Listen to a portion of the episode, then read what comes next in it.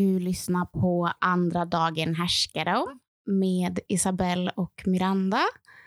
Och idag så har vi våran gäst, vår allra första gäst, eh, Susanne Israelsson Stenberg, också min mamma. Välkommen. Hej, tack! Hur är läget? Det är bra, fast det är obekvämt här när vi ska sitta still i en timme. Ja. Mm. Jag har redan ändrat position. Vi har Ja. suttit här i cirka 30 sekunder. ja, men det var också det som vi pratade om förut, att vi borde ha en ADHD-vänlig podcast i så här, hur lång den är, men också typ hur man sitter. Alltså allt sånt borde ju vara ADHD-vänligt.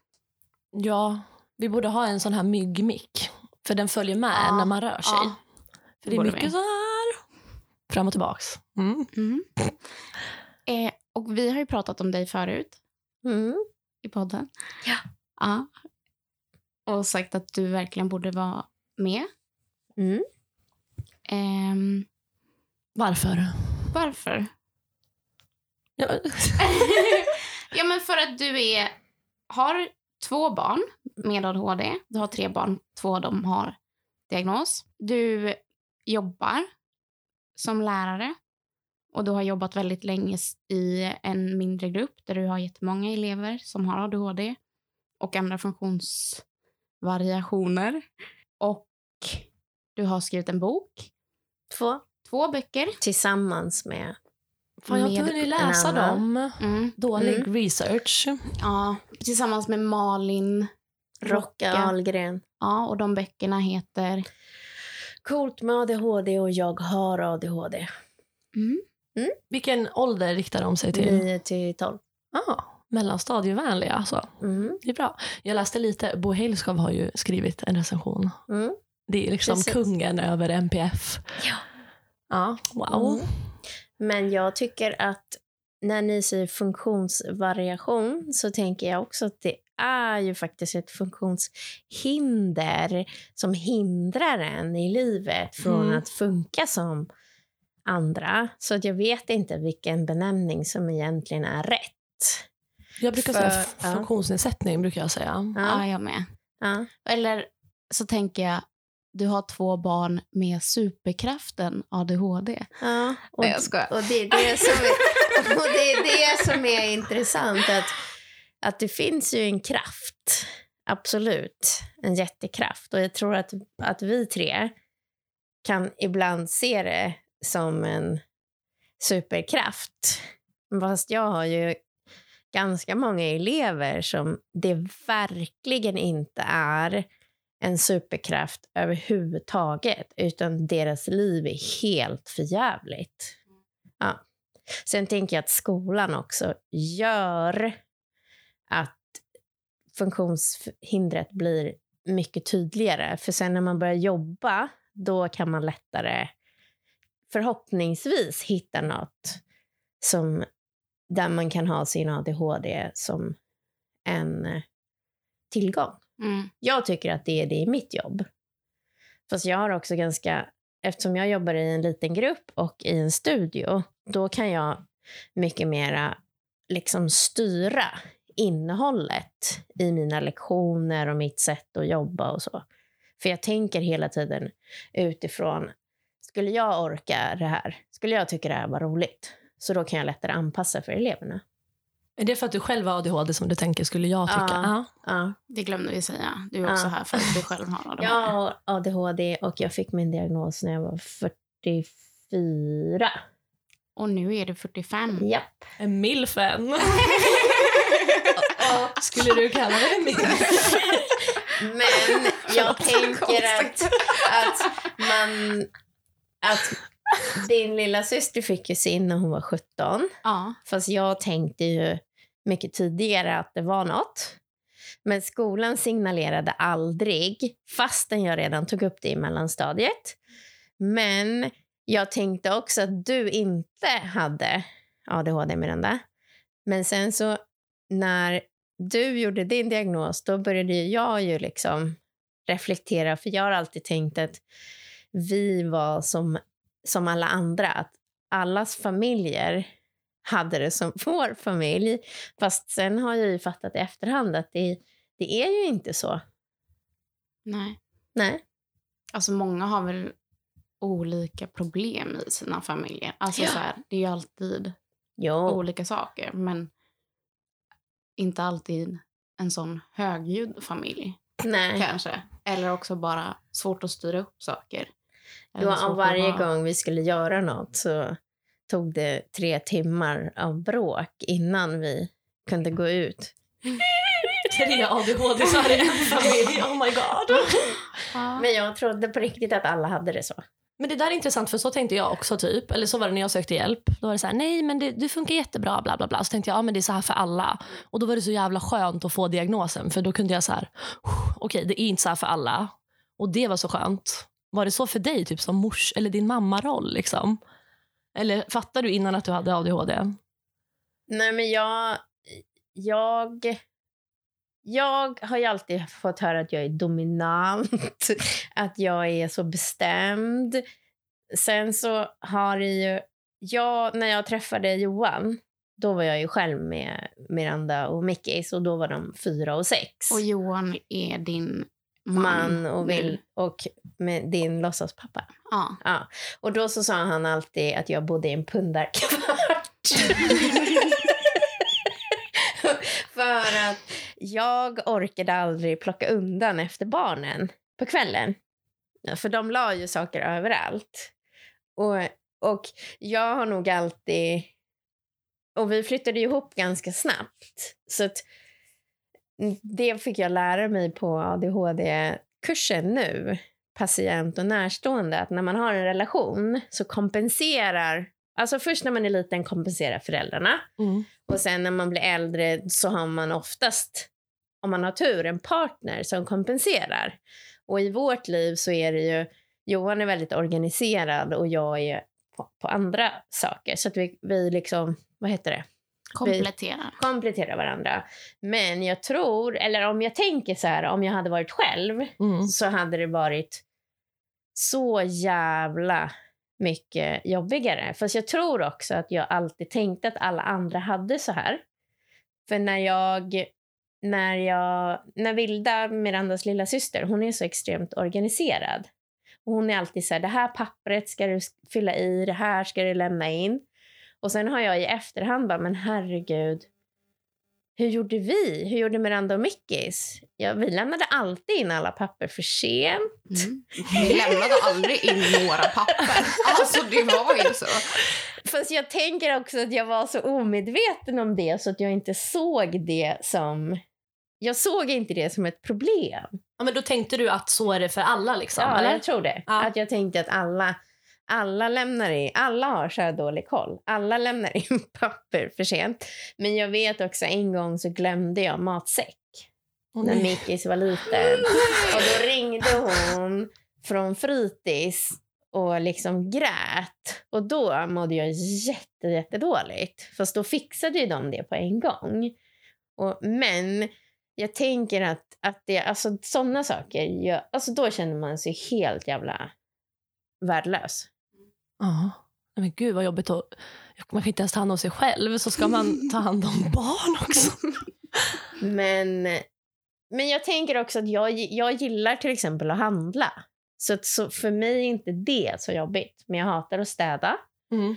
Jag hatar att laga mat. Men jag har alltid lagat mat. Alltså, så, när Miranda och Mickis var små, då var det att jag alltid lagade mat. Sen så kanske vi bara åt fem rätter som vi varierade. Fast det var också det som de gillade. Så det var inte ett så stort problem på ett sätt. Nej, verkligen inte. Men då hittar du en liten Pasta strategi där. Ja, alltså med ja. grillkrydda på. Eller vad heter det? Sån här knorr. och ketchup. Jo, men, vi, Det, det går ju snabbt och det är gott. men sen så nu när man är äldre, när man är så här, åh man ska äta nyttigt, man ska äta det här, man ska göra sig och så. När man är helt medveten om alla krav. då känner man sig mera misslyckad. Därför att man kan inte, jag kan inte i alla fall leva upp till alla de här kraven som man ska Men det- göra. Det är intressant. Så du, men för du sa innan att ja, men jag tänkte att det är så här för alla typ. Ja. Och sen så fick du reda på att oj, det är inte så här för alla. Nej. Jag har ADHD. Alltså, har, Ja.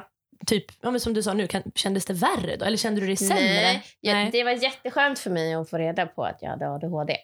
Det var jätte, jätteskönt, för det förklarar så himla många saker. För att jag har alltid känt mig annorlunda. Men, och jag har också fått jävligt mycket skit genom livet på grund av att jag är en, en person som tar plats. Och jag har gjort många knäppa grejer och så. Men när man, när man, när man förstår att det inte är så här för alla andra, då kan man ju på ett sätt bli ledsen. För att man bara, oh my god, vad jobbigt jag har haft det. Man kan också bli ledsen för att... Men, men samtidigt så kan jag känna så här... Ibland är det skönt att vara omedveten. Alltså, eller det är alltid skönt att vara omedveten. Det är mycket jobbigare att vara medveten om saker. Men samtidigt så ha, tror jag att jag... Jag känner själv personligen att jag har inte så extremt höga krav på mig att jag ska eh, att jag måste göra på ett speciellt sätt och jag måste laga mat varje dag och, och eller så eller så. Jag tycker ändå att det är okej. Sen märker jag att Vilda tycker att det är jobbigt. För, jag, för mig är det så här, jag kan äta fem maträtter. Gör inte mig något. Jag kan variera. Så här, varje tisdag kan jag äta kesopannkakor. Varje onsdag kan jag äta eh, varma mackor och smoothie. Men Vilda, hon har inte ADHD. Hon tycker inte att det är roligt att äta samma mat hela tiden. Så då blir det en krock mellan oss som kanske inte blev med Miranda och Mickis. Nej. Eller jag vet inte. Men sen så började Miranda, hon skulle äta vegetariskt och Mickis skulle äta något annat. Så skulle alla laga olika maträtter. Vi Dryga ungar. Vi lagade alltid tre, alltså det var så tre jag olika maträtter. inte längre och då la jag ner hela den här grejen för då orkade inte jag längre. Nej. Fan vad roligt, förlåt för jag flika in en grej nu. Min mamma är så här jättehetsig också på jul. Vi pratade om det när jag kom här. Jag är hemma hos Mirandas barndomshem, jättemysigt. Eh, så pratade vi om julen. Jag sa att jag hatar julen för att det är så tråkigt. Man sitter bara stilla. Och så sa ni också att det varit hetsigt och så. I alla fall, min morsa är så skitnoga med allt när hon lagar mat. Och så nu i år, min syster, stora syster är vegan och jag vill ha vegetariskt. Och så min lilla syster provar nu glutenfritt och lökfritt för hennes mage. Och hon bara, jag vet inte, vad ska jag göra nu? Och så hade hon lagat allt och vi hade varit i en jävla gympasal innan så kommer vi hem. Och så jag bara, stekte ni på omfen? För att jag vill ha omf, för det är det enda goda typ. Mamma bara, nej. Det har jag inte gjort. Det skulle du göra. Jag bara, men jag kom ju hem från gympasalen precis. Ja, ja, ja, jag klarar mig väl på vegetariska köttbullar och prinskorv. Och så när vi sätter oss och ska äta så har ingen... Hon bara, men vem har stekt på dem? Så jag och min syster hade ingen mat. Ja, det var kul. Men också, skulle din mamma laga mat åt alla? Nej men vi bara gick om varann för Ika och jag skulle stekt på det här. Inte Ja, fan vet jag. Men okej. jag är också, jag, Ja. faktiskt, jag skäms lite för att jag hjälper inte till så mycket. Men nu har jag mognat på mig lite. Men då får jag inte börja steka för då luktar det och så är det skittrångt hemma hos oss. Men då blev det bra. Det blev inget bråk eller så. Så jag stekte på det i ugnen medan vi åt. Så fick vi dricka snaps. Ja, förlåt. Vart var vi? Men han, Men jag har faktiskt en fråga, eller två frågor till dig. Och den första är bara så här, eftersom, vem var det du sa? Bo, den är inställd på timer tror jag. Åh jäklar. Ja, vi var en lampa som Bo tändes. Helskov. Eh, nej men, Eller ja? Bo, är du, om folk hör ditt, så här, i ADHD-kretsar, Ja. eller inom ADHD-världen, Mm. ADHD-eliten. Är din mamma lite Ja, känd? men vet folk vem du är? Nej. Är det så här, Nej. Nej. Men jag är inte som... Alltså, Malin som jag skrev böckerna med, hon är ju väldigt sådär... Hon syns och hon gör reklam för sig själv. Hon marknadsför sig själv. Och jag är precis motsatsen. Men jag vet att eh, den ena boken var kurslitteratur när eh, Madde, Mirandas kusin, pluggade på lärarhögskolan. Så Ah, hade de den bra. ena som Mm. kurslitteratur. Det, det är Ja. också, jag hade en kompis som skrev Ja. till mig och sa, har din mamma skrivit en bok? Skitbra. Jag kan tipsa Göteborgs universitet. För Mm. vår specialpedagogikkurs var inte jättebra. Eller var det bara på en vanlig typ svensk kurs? Eller var Nej, det... jag tror att det var på specialpedagogik. Ja. Men jag vet inte. Men det är ju sånt där man måste få in i vanlig alltså undervisning. Man måste normalisera. Men för det var en annan fråga. Mm. För att du är ju lärare och sen så nu när vi har startat podden, du är ju den som har värvat flest lyssnare, Ja. tror jag. Applås! Ehm, och så skrivit en bok. Så du är ju ändå, alltså du har ju ändå en, eh, Ett driv. ja du har ju ett driv i att också prata om det och uppmärksamma det. Hela Och, tiden. ja, och Mm. jag, då undrar jag så här, varför det? Varför tycker du att det är viktigt? Därför att det är jätteviktigt för att jag vill att man inte ska ha fördomar. Jag vill att man ska att det ska bli alltså, en normaliserad bild av vad ADHD är. Därför att så många, speciellt i skolans värld, jag upplever ett jättestort glapp mellan de som är upplysta och de som är, inte kan något. Och jag upplever så himla stora fördomar och jag upplever också att många elever tror att det är fel på dem. De kallar sig själv för CP, de kallar sig för sär. Men när jag har jobbat med dem ett tag så är de jätteglada. Oj. Och de är jätte... Eh, de, för jag brukar också säga så här, men jag har också ADHD. För för mig är det jätteviktigt att visa... För jättemånga elever tror att ADHD är att man slåss, till exempel. Det, det är deras enda bild av ADHD.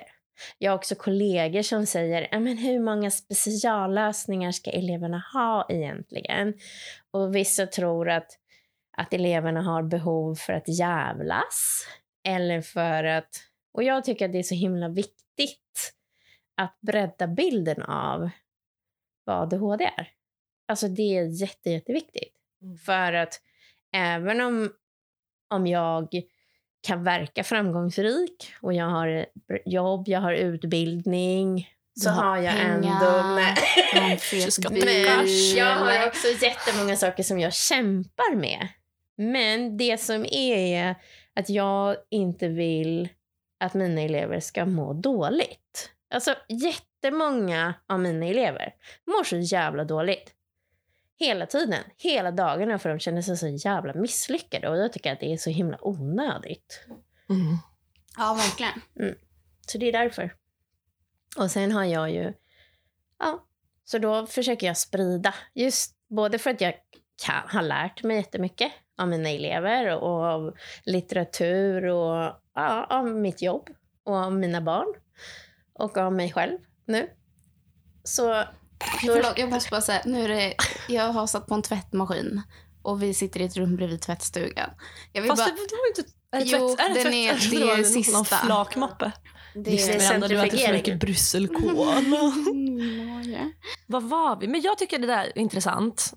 För, vänta, sa du, har du sagt innan att du har ADHD innan du fick en diagnos? Nej, Men jag sa att jag trodde att jag hade...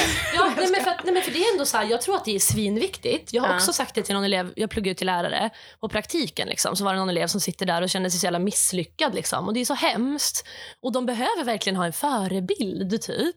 Och bara så här, ah, men vad var det jag sa? Jag bara, men är det jobbigt, är det svårt för dig att skriva typ? För det, det kom Mm. ingenting och han har berättat sin historia för Ja. mig jättemycket liksom.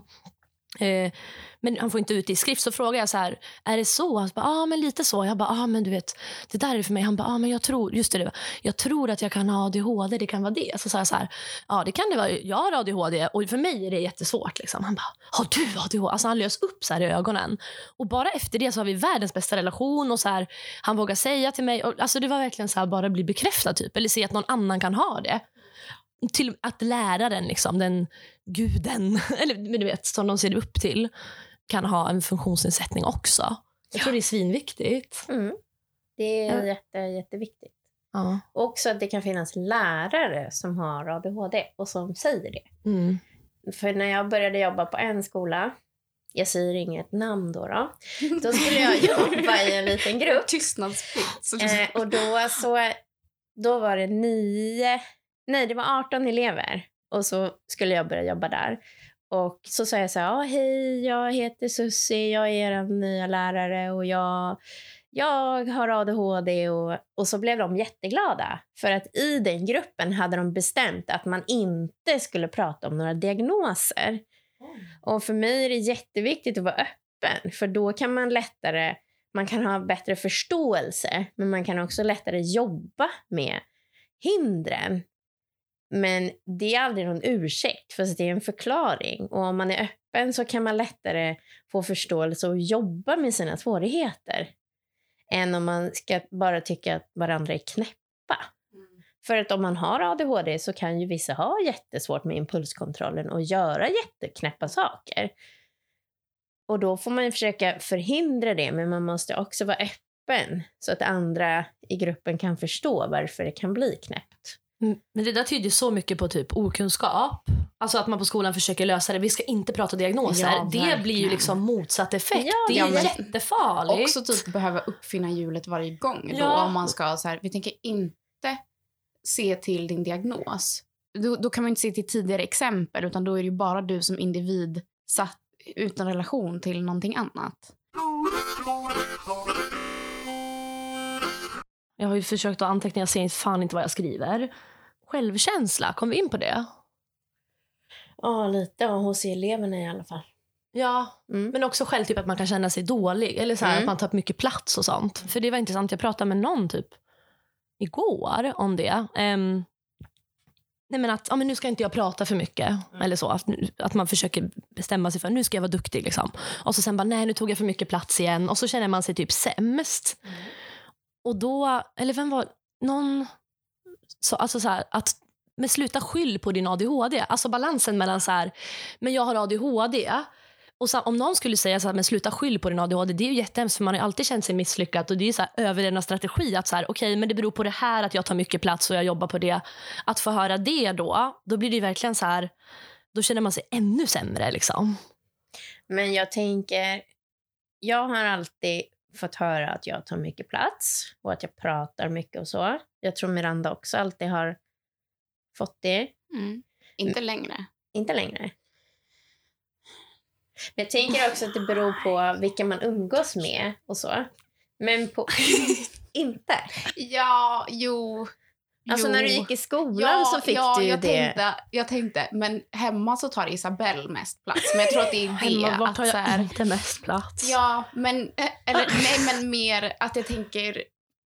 Men ja, jag tar väl mycket, jag tar mycket plats. Jag tar mycket plats i skolan, på möten, styr upp. Alltså som vi pratade om förut, att den, just så, det gör jag ju otroligt mycket. Mm. Jag, har, jag har fått höra att jag är kontrollerande, att jag är dominant. Så det som var skönt när jag gjorde min ADHD-utredning, det var ju att min psykolog förklarade för mig att, att när man är, alltså när man tar, om ingen tar kontrollen, då tar man själv kontrollen för att man har behov av att det, man vill ha koll, man vill veta och, då ta, och det är jätteskönt för mig att veta att det är därför jag gör det. Sen så har jag inga problem med att andra, om någon annan bestämmer, då kan jag rätta mig efter det. Jag måste inte styra upp eller jag måste inte bestämma. Men om det inte är uppstyrt, då styr jag upp. Men när jag var liten, då gjorde jag jättemånga knäppa saker. Det vill vi höra mer om. och då kan jag ju fatta efteråt. Det är därför jag kan... Alltså jag var inte så snäll när jag var ung. Alltså när jag, jag var ju ganska dum när jag gick i skolan. Jag var jättedum När mot mina kompisar. Ja, låg och mellan ja. och högstadie. Och därför så ser jag vikten av att det måste alltid finnas vuxna med i skolan. Därför att vi blev väldigt mycket lämnade ensamma. Och jag vet att vi skulle alltid le- leka teater till exempel. Och då bestämde jag alltid. Och så sa min klasskompis varför ska du alltid bestämma? Jag bara okej, men jag är inte med då. Och så, så bara okej, men då får du bestämma. Och jag gjorde också... Men alltså jag, var jätte, jag var ledartyp. Men om någon var dum mot mig, då kunde jag vända hela klassen mot. Så att jag var en mobbare. Mm.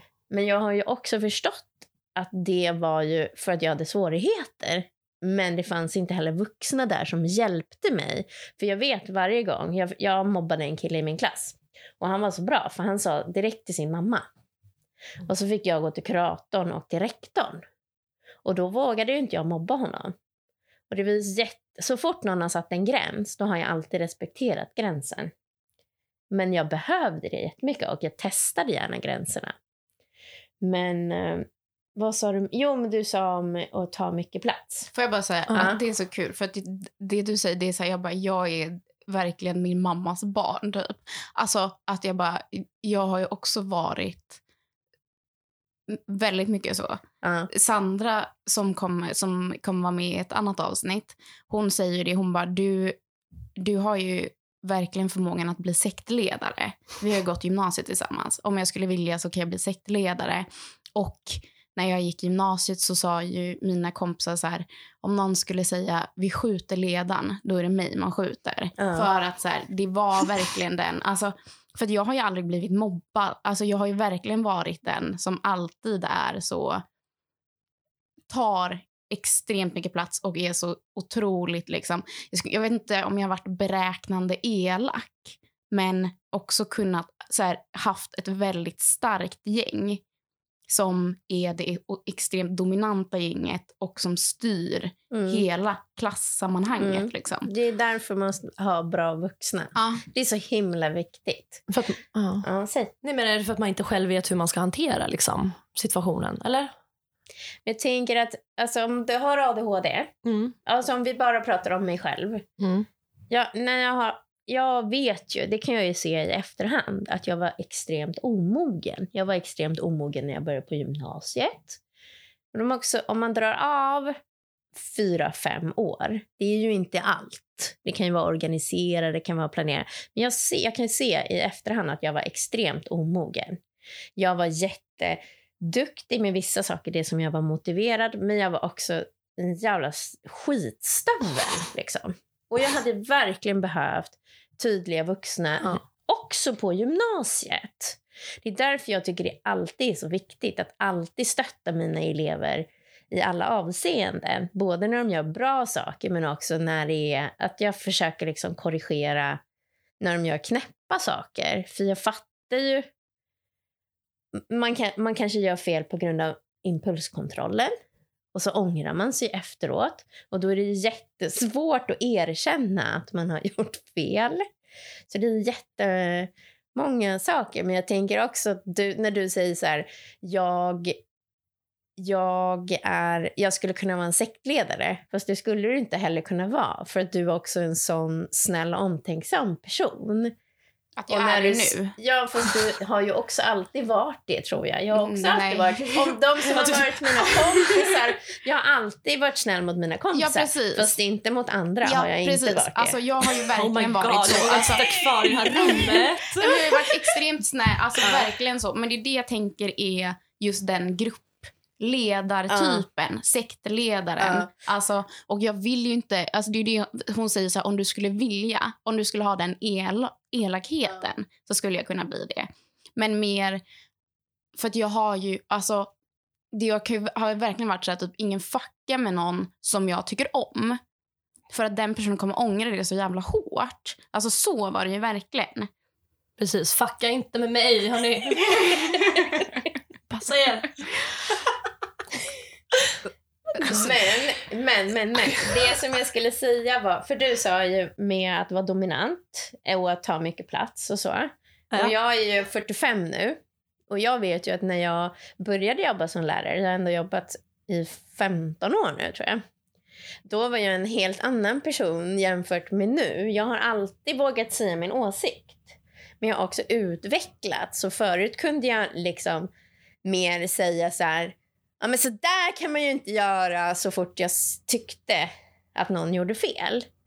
Och då kan man bli väldigt obekväm för andra människor. Så då har jag lärt mig mer att jag kanske ligger lågt, lågt och liksom jag kanske inte alltid säger min åsikt. Sen har jag också blivit en sån person att jag bara, gud jag tar så himla mycket plats. Så nu så ska jag vara tyst och så ska jag se vad som händer. Sen vet jag också att när jag blir engagerad, då glömmer jag helt Det går bort inte att hålla käften då, går alltså.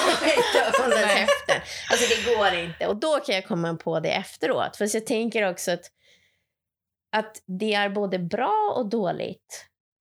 Att liksom, för man, många kan ju vara så här, som Mirandas lilla syster, hon har ju alltid fått höra att hon ska ta mera plats. Och Det är också jobbigt för henne, för hon kan inte det. Det är jättejobbigt. Hon har alltid alla utvecklingssamtal. Ta mera plats, ta mera plats, ta mera plats. Därför har jag alltid som lärare jag säger inte till någon att den ska ta mera plats, utan jag försöker liksom ha som en pedagogisk tanke att jag ska hjälpa den att få mer utrymme. Ja. Men sen har jag också varit så här, jag har liksom, om vi har haft ett möte till exempel på jobbet och så vet jag vi är fyra pers och vi har det här mötet i två timmar. Då säger jag så här, okej, okay, jag pratar ju så himla mycket. Så nu har vi 30 minuter var. Mm. Så nu kommer jag prata si så. Sen så kommer det bli ert utrymme. Så får ni prata. Mm. Men vad ska du ha metoder för att mm. kunna liksom förhålla dig till den? Ja, men, men då har jag också märkt att vissa människor tycker att det är extremt skönt att man tar mycket plats. Mm. Att man är den som vågar säga ifrån. Att man är den här obekväma. Så att folk utnyttjar det jättemycket. Det är ju också läskigt. Ja. För det där, eller jag tänkte på det nu, jag tänkte fråga om du hade några metoder. För jag har ju lärt mig, jag får sån ångest för att jag pratar för mycket, tar för mycket plats. Och så kan jag, alltså jag kan må så dåligt efteråt. Men då har jag börjat i alla fall på universitetet. Så jag börjat sagt så här, hörni förlåt om det verkar som att jag inte lyssnar på er. För det är, det är det här jag förklarar liksom till mina nära. Så är det för att jag sitter jag sitter inte på Facebook, jag sitter och antecknar i telefonen för alla tankar som poppar upp skriver jag ner så att de försvinner från huvudet så kan jag fokusera på dig till 100% för jag vill lyssna. Och det låter så konstigt för folk som inte fattar. Och då försöker jag förklara. Jag bara så här ligger det till nu. Och även så här, jag pratar för mycket, jag ska försöka att inte ta så mycket plats. Och så har jag börjat sagt det och då känns det mycket bättre. Och så har jag frågat folk efteråt, nej men nu, eller jag har vågat berätta att jag har ångest för sånt där håller man inne på och då växer det bara. Alltså bara, jag mår lite dåligt, jag tror jag pratar för mycket på seminariet. Eh, och Då säger mina kompisar men nej, alltså ingen tycker det. Folk tycker det är bra när du pratar för att ingen annan pratar. Och sen, Jag litar ju på det de säger. liksom. Eh, men att det har hjälpt mig. Men då har jag tänkt på sen när jag började jobba på arbetsplatsen, så här, hur öppen ska man vara med sin diagnos? Men det har jag bestämt att det ska jag vara öppen med. Liksom. Men som du säger då, att det kan välta över till att man blir utnyttjad istället. Liksom. Ja, fast folk är extremt omedvetna tror jag. Men jag tänker också att nu ska jag byta jobb. Mm. Då kommer jag inte säga någonting om min diagnos först. Nej. Utan det kommer jag göra när jag har kommit in lite. Därför att jag tänker att folk har fördomar mm. och då ser de inte mig. Då kommer de se bara... Då kommer de tolka allting utifrån, aha hon har ADHD. Mm. Så därför kommer jag inte säga det. Men eh, jag tänker också att... Jag, jag tänker också att det är synd eh, Isabelle, att du ska må dåligt när du har pratat mycket. För jag tänker också att eh, du säger säkert jättemånga bra saker och jag tänker att du är så som person och folk skulle inte vilja att du var annorlunda. Och jag tänker att när jag blivit äldre så har jag också sett det mer som en tillgång för att jag märker att, att man får folk, alltså vissa kommer störa sig på en såklart, alltid det finns ju alltid haters. Liksom. Men jag tänker att man, har, men man kommer ändå alltid... Ha, alltså man, du, du kommer alltid hela livet träffa folk som kommer gilla dig för att du är så som du är. Och det måste inte alltid vara... Sen tror jag också som kvinna att det är, det är negativt att man tar plats. Och att jag vet inte om viss... Alltså jag hade en kollega på mitt jobb och han pratade så jävla mycket. Och alltid när vi var ute, då pratade han hela tiden. Och då så var jag så här, aha, pratar jag lika mycket som honom?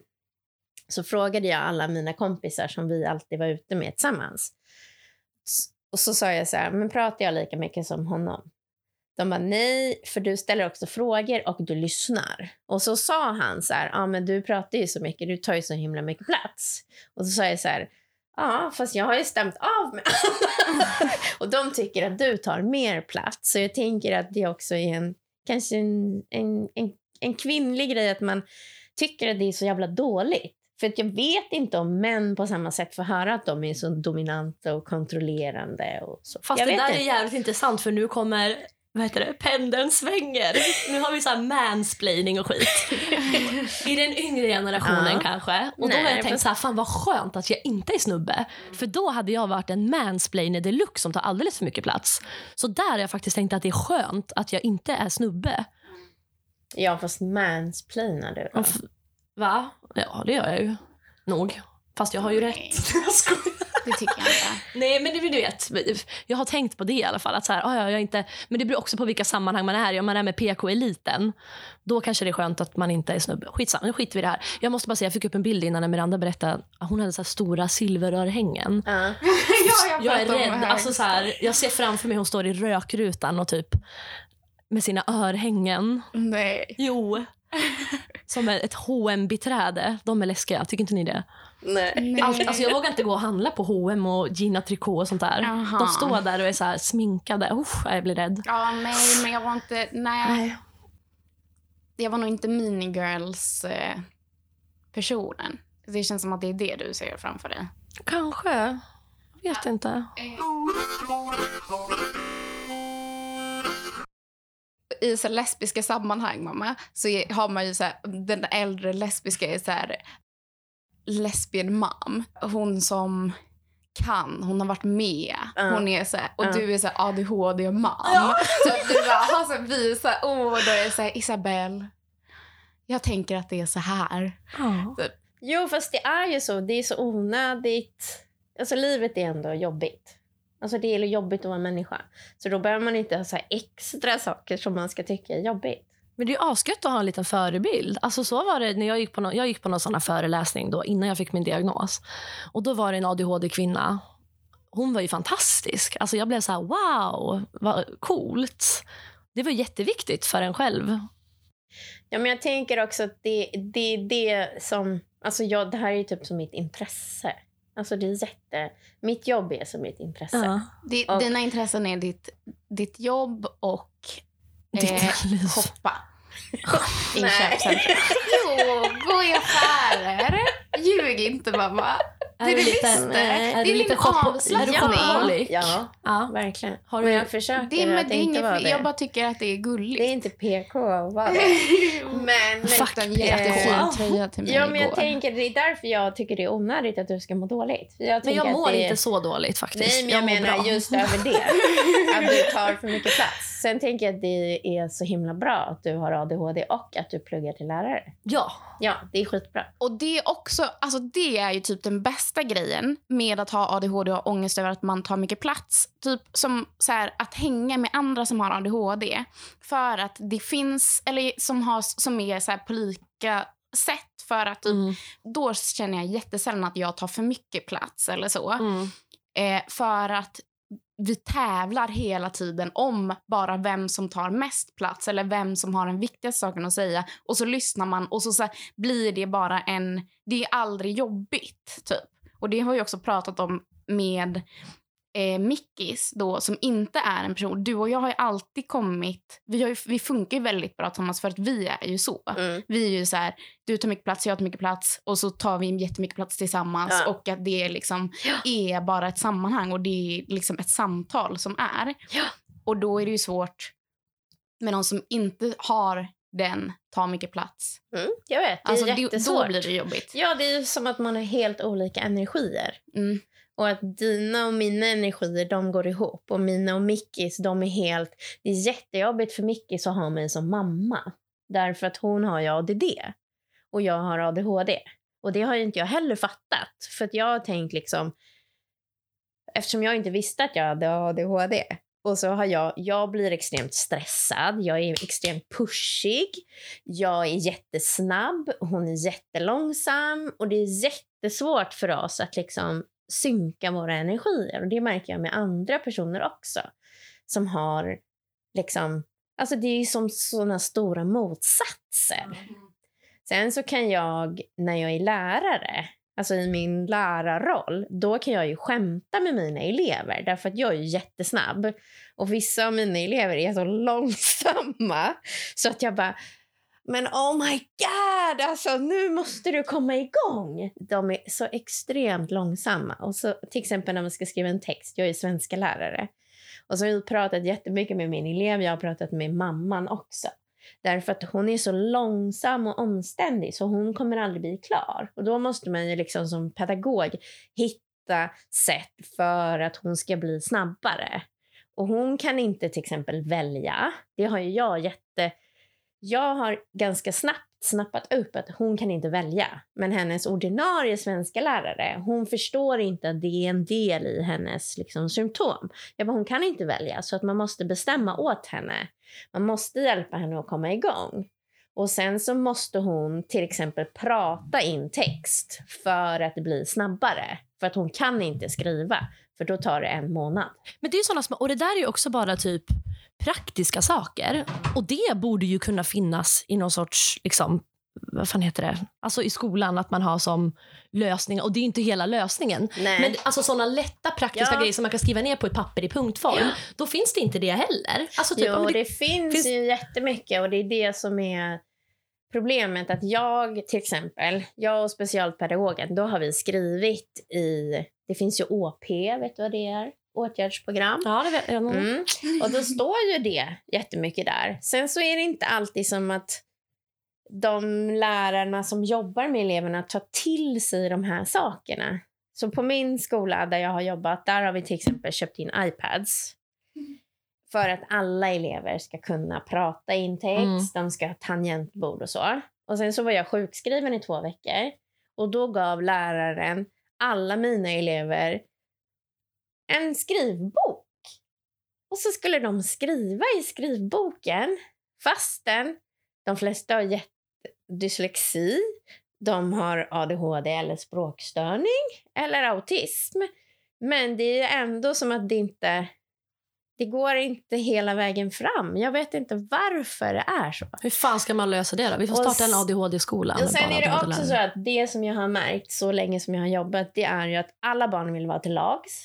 Alla barn vill vara duktiga. Så även om jag säger så här, du har dyslexi, du ska inte anteckna, du ska bara lyssna och du ska fota tavlan. Och sen så säger läraren, ja men den ville anteckna. Ja men den ska inte göra det för det tar all energi. Den ska bara lyssna. Ja men den är så duktig, den ville anteckna. Jo fast och så, så går det inte, jag vet inte. För det, det, det synkar inte mellan det här med att vara till lags och våga stå upp för sina egna behov och säga nej, jag ska inte anteckna, jag ska bara lyssna. För man vill inte sticka ut, man vill vara till lags. Så att det måste ju vara anpassningar som funkar i klassrummet jämt och ständigt varje dag. Och det är det jag brinner Mm. för jättemycket. Man är ju också så ung. Alltså, Ja. Du jobbar ju med högstadieelever. Så det är ju också ett enormt krav att sätta på någon som är Ja. så ung att den ska stå upp för Ja, för de Liksom, kan inte det. sina behov. Nej, men för att man För det vet måste man har ju också läraren jättesvårt att Ja. formulera sina behov. Ja, det har man ju som läraren vuxen. måste ju. Mm. Men vad tror du att det, tror att det handlar om? Alltså det handlar ju om en okunskap. Mm. Men vad är det, tror du att det är så här, ehm, om man har en, en eh, ledning på skolan som har större kunskap Mm, inom specialpedagogik. Ja, det är jätteviktigt och som driver de här frågorna. ja, Mm. Men har du varit på någon arbetsplats där det är så och ser Mm. du någon skillnad då? På min första, när jag jobbade i, på en skola, då hade jag en rektor som var specialpedagog. Och då så drev hon igenom att alla som behöver skulle använda hjälpmedel. Och sen så var det hon som liksom drev det på skolan. Och därför lärde jag mig jättemycket av henne. För att hon var så driven och hon drev igenom liksom att alla skulle använda hjälpmedel. Alla skulle lyssna på inlästa böcker. Och, så hon var jätte, jättebra. Så då, och det var en av de första skolorna jag jobbade på. Så då så lärde jag mig jättemycket och då tog jag med mig det till nästa skola. Men sen tänker jag att alltså jag vet inte om det är att man är inkörd på att man har ju alltid gjort som... Alltså f- lärare är individualister. De är extremt individualistiska. På vilket sätt? Ja, men de ska köra sitt. Och de ska göra på sitt sätt. För det är så bra. Och sen är det också så olika men jag har, ju, jag har ju kompisar som är kuratorer och skolsköterskor. Och, och min kompis som är skolsköterska hon har jobbat inom vården och där är du tvungen att samarbeta. Du är tvungen att samarbeta för att det ska funka. Lärare har alltid kunnat köra sitt eget race. Vilket också är så himla motsägelsefullt för det enda de har tjatat om från dag ett på lärarutbildningen det är man lär sig tillsammans. Man bara, ah, okej, okay, men lärarlagen behöver inte göra det. Alltså det känner jag när jag söker jobb. Jag kommer bara säga så här, ja, för mig är det viktigt att ha ett arbetslag som faktiskt samarbetar. Men ja, men jag tror att det är så här, och vi ska ju ha jämlik skola, bla bla bla. bla. Men nu är det ju så, antingen har man tur och får en jävla bra lärare eller Mm. inte. Ja. Och det är så jävla farligt. Så ska det, inte är vara. inte en skola för alla. Nej. Inte ur mitt perspektiv, inte med de eleverna som jag jobbar med. Då är det verkligen inte en skola för alla. Sen tror jag att det är olika och att olika skolor funkar olika. Men jag tycker verkligen... Alltså det är så, så eh, små enkla saker. Som så här, man kan prata in text. Man kan ha... Man behöver inte... Som på vår skola, där jag har jobbat. Då har de haft så här, man ska inte ha för långa genomgångar.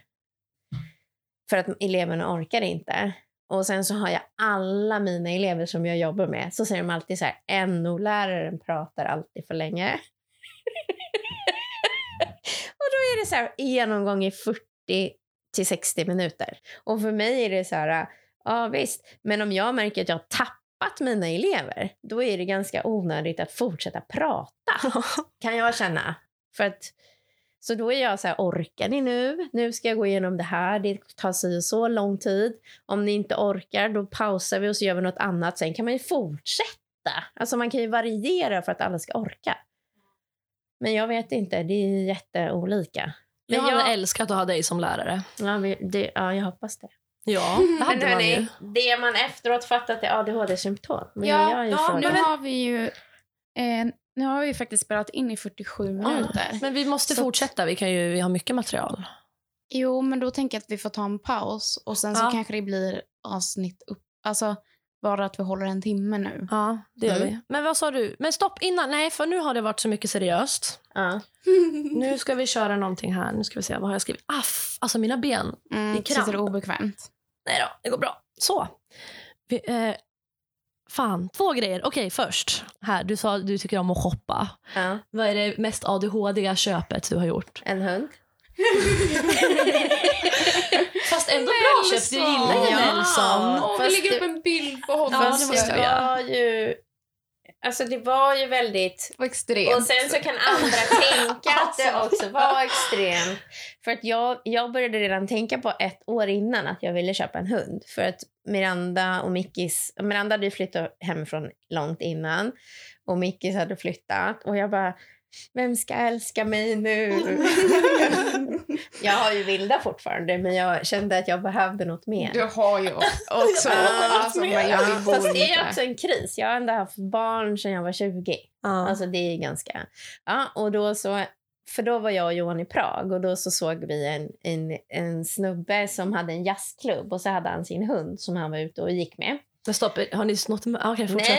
Nej, och då så var jag så här, för den hunden var så fin och den var så här, gick med honom och var jättelydig så jag var åh, måste ha en hund. Och sen ett år senare på jullovet, för alltid är det så här när jag har mycket tid, då hittar jag alltid på ett projekt varje år. I år köpte vi ett sommarställe. Eh, På julen köpte vi en hund då. Och då på tre veckor, då sa jag så här, men vi ska köpa en hund.